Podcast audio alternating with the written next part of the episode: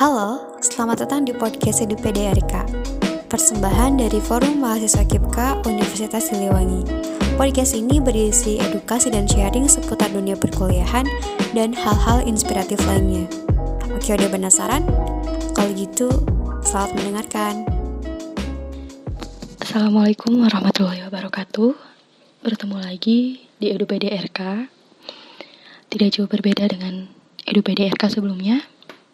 Di sini Putri akan membacakan sepenggal kisah inspiratif dari salah satu mahasiswa bidik misi Universitas Siliwangi yang berjudul Menjemput Datang, Mengantar Pulang. Sebuah kisah pergolakan asa dan rasa di bawah kendali kuasa. Karya Dudun Supardan. Dalam setiap ingin, Semoga tidak hanya menjadi angan untuk kalian, kawan-kawan yang pernah berjuang, lalu belum tercipta sebuah tujuan untuk menjadi kenyataan. Tenang saja, itu adalah tabungan masa depan. Semua adalah perjalanan. Kelak, kita akan mendapatkan apa yang dicita-citakan sebagai wujud dari perjuangan yang dilalui dengan lelah melalui rintangan dan halangan untuk menghabiskan jatah kegagalan serta hinggap pada kata keberhasilan. Setidaknya kita telah menorehkan pengalaman pada keinginan dengan perjuangan. Perjuangan seorang insan begitu beragam dalam setiap perjuangan yang dilakukan melalui usaha yang tak terelakkan, berusaha tetap kuat dan bertahan, cobaan dan rintangan, berusaha kita lalui meski seperti badai dan juga topan, demi menjaga asa yang tidak pernah padam. Jangan khawatir, bukan tidak adanya keberhasilan, bukan pula karena yang kuasa tidak memberikan. Kita hanya diberikan beberapa pelajaran terlebih dahulu agar ketika kita mencapai tujuan kita terhempas dari keterlenaan. Terkadang dalam setiap asa yang diperjuangkan selalu ada sesuatu yang harus dihadapi serta dilalui, walaupun itu dirasa kelam. Kalimat di atas merupakan sebuah pengantar, sekaligus apresiasi pada perjuangan kita yang sudah berusaha berjalan dan bertahan di tengah ranjau pandemi COVID-19. Tidak bisa dipungkiri bahwa bukan hanya mahasiswa yang terkena efek dari wabah yang melanda dunia ini. Semua elemen kehidupan terdampak olehnya, tidak terkecuali saya sebagai mahasiswa bidik misi yang menyandang predikat intelektual dan diharapkan dapat membawa perubahan pada kebaikan. Ketika pandemi melanda, kita mahasiswa dipaksa adaptif terhadap perubahan yang terjadi. Kita diharuskan untuk melakukan pembelajaran jarak jauh atau biasa kita sebut daring melalui berbagai platform seperti Zoom, Google Meet, Classroom, WA Group, dan lain-lain yang mungkin ada beberapa mahasiswa yang asing menggunakan berbagai sarana tersebut. Mau tidak mau kita harus bisa dan terbiasa dengan proses pembelajaran seperti ini. Ya, dengan keterbatasan yang ada tentunya. Saya tidak mengatakan kisah ini sebagai kisah inspiratif, saya hanya mencoba menceritakan dan menyampaikan apa yang saya alami dengan tekad berbagi. Urusan menginspirasi atau tidak itu urusan nanti. Dengan adanya pandemi COVID-19, kehidupan kita menjadi mengalami mengalami banyak perubahan. Pergerakan kita di terapkan pembatasan, kita juga diharuskan untuk tetap menjaga kesehatan. Tentu saja hal ini membuat semua orang mengalami kebosanan, karena harus selalu berdiam diri di rumah, tidak bebas untuk bertemu semua orang. Hal ini sempat membuat saya gusar dan memunculkan berbagai pertanyaan. Apakah saya akan terus seperti ini? Sampai kapan situasi ini akan terus terjadi? Apa yang harus saya lakukan di situasi seperti ini? Bagaimana tidak? Kita dihadapkan pada situasi dengan berbagai pembatasan yang merubah sebagian besar tatanan kehidupan. Situasi yang membuat orang menjadi paranoid, berbagai pertanyaan pun muncul dan berkecamuk dalam pikiran. Kebingungan, dilematis, kegalauan terjadi terus-menerus pada hari-hari sebelum disadari hingga pada suatu hari ketika saya menemani ibu saya pergi untuk membeli alat tulis untuk kuliah. Saya membiarkan ibu saya mengobrol bersama penjual sambil memilah peralatan apa saja yang akan ibu saya beli. Sementara itu, saya diam sambil terduduk di antara bangku toko yang jaraknya agak jauh dari ibu saya. Tidak lama terduduk, duduklah bapak-bapak dengan peluh bercucur dengan berbagai dagangan yang dikalungkan pada badannya menggunakan tatakan yang tersaji di depan perutnya. Setelah duduk, tidak lama kemudian dia mengibaskan topi yang dia pakai untuk menyegarkan dirinya dan kibasan dari topi tersebut. Ketika mengipasi dengan topi, dia berbicara sendiri dengan bahasa Sunda jika diterjemahkan mungkin seperti Waduh, kondisi ramai tapi pembeli agak kurang ini, ujarnya. Iya nih pak, jangan keluar rumah dan bergerombol tapi ramai sekali ini, balas saya pada si bapak sambil memperhatikannya. Ya, mau gimana lagi, A? Namanya manusia harus tetap bergerak untuk memenuhi kebutuhannya yang tidak terbatas. Bapak juga bukan tidak takut sama corona, tapi karena kebutuhan, di rumah juga ada anak yang harus beli paket kuota agar sekolahnya terus berjalan. Belum lagi istri yang tetap harus dinafkahi untuk makan setiap hari dan segala macam kebutuhan rumah tangga. Seketika pernyataan si bapak tadi langsung menghujam saya dan merubah perspektif saya ketika melihat situasi serta kondisi yang terjadi. Benar juga. Ketika kita diam, kita tidak akan makan. Ada banyak hal yang akan berhenti ketika, ketika kita tidak terus bergerak.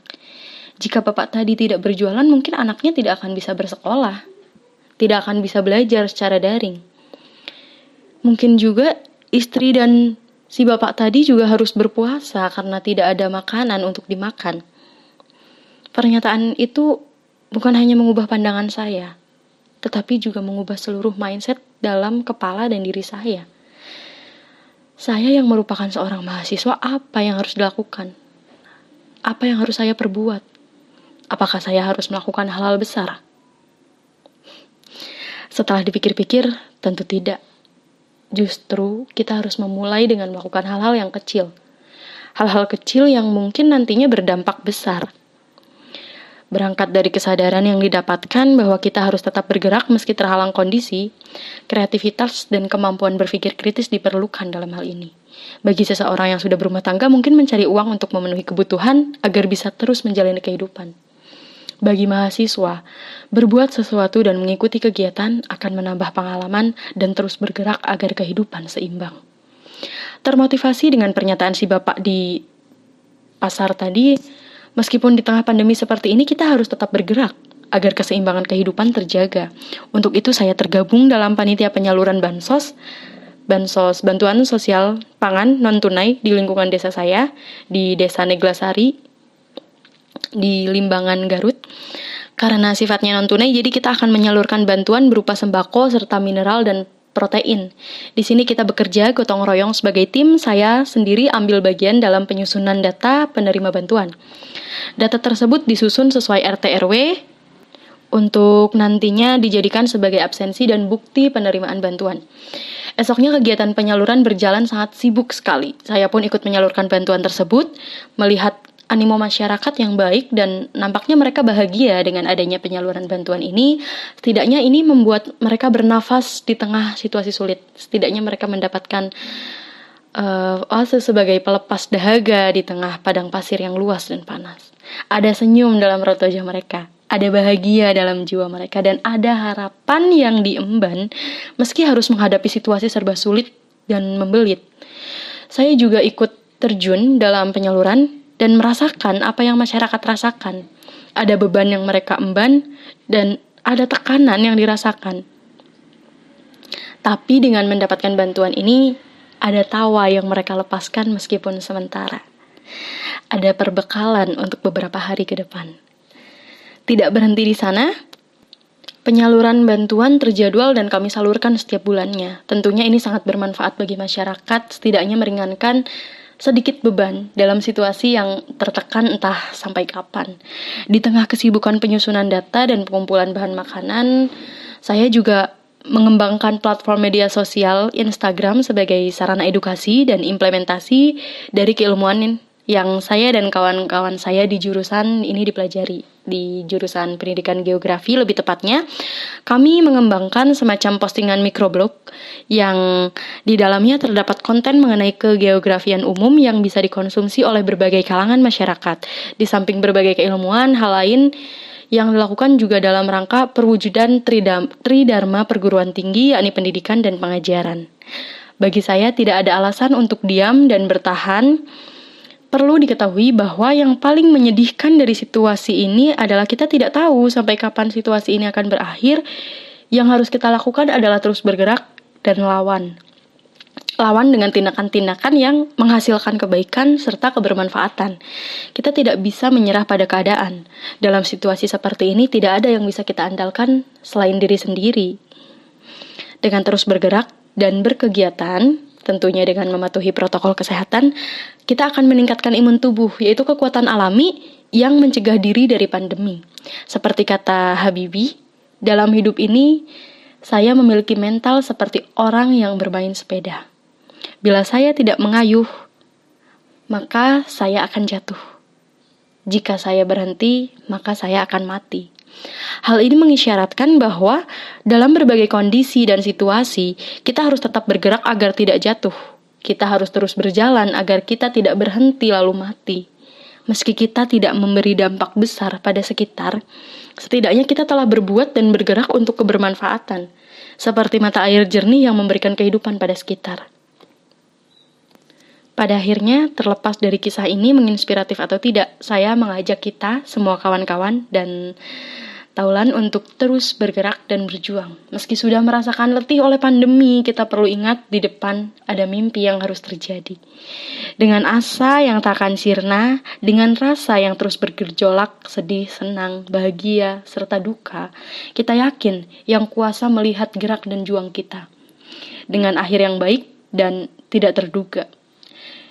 Kita jemput mimpi agar datang, kita hantarkan pandemi hingga pulang. Ya, mungkin itu dia sepenggal kisah menjemput datang mengantar pulang, sebuah kisah pergolakan asa dan rasa di bawah kendali kuasa karya Dudun Supardan. Sangat menginspiratif ya kalau misal kalian bisa mengambil nilai-nilainya.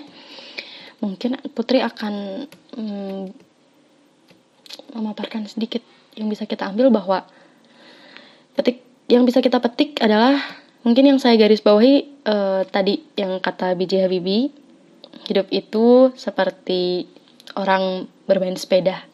Kalau tidak terus mengayuh, kita akan jatuh. Ketika jatuh, kita berhenti, dan ketika berhenti, kita akan mati.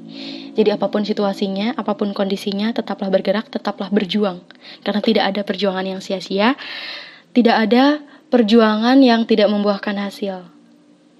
Hanya saja, mungkin jarak kita pada hasil yang masih terlampau jauh. Jadi ketika kita tidak mau gagal, ketika kita tidak mau menyicil perjuangan, maka kita akan terus jauh dari hasil yang kita harapkan. Tetap berjuang untuk para penonton, pendengar yang mendengarkan kisah inspiratif ini, tetap ikhtiar.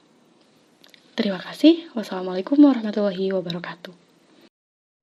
Terima kasih sudah mendengarkan podcast kami. Semoga bermanfaat dan sampai jumpa di podcast berikutnya dengan pembahasan yang lebih menarik. Jika kalian suka, jangan lupa klik like, comment, and subscribe dan share ke teman-teman kalian.